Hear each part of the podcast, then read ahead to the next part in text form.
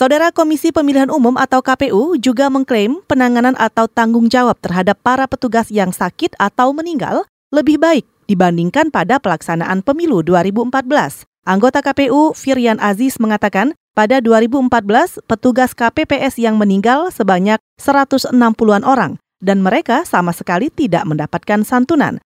Tapi saat ini KPU memberi santunan kepada 400 lebih petugas KPPS yang meninggal. Saya pikir dari segi durasi sudah uh, cukup memadai.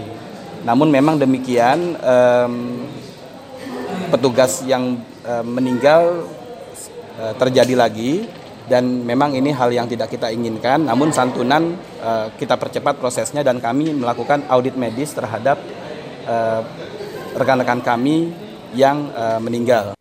Anggota KPU Firian Aziz juga mendukung masyarakat sipil yang meminta peninjauan kembali batas akhir pemungutan dan penghitungan suara di TPS. Ketika itu, hasil peninjauan kembali disetujui Mahkamah Konstitusi yang resmi memberi tambahan waktu 12 jam.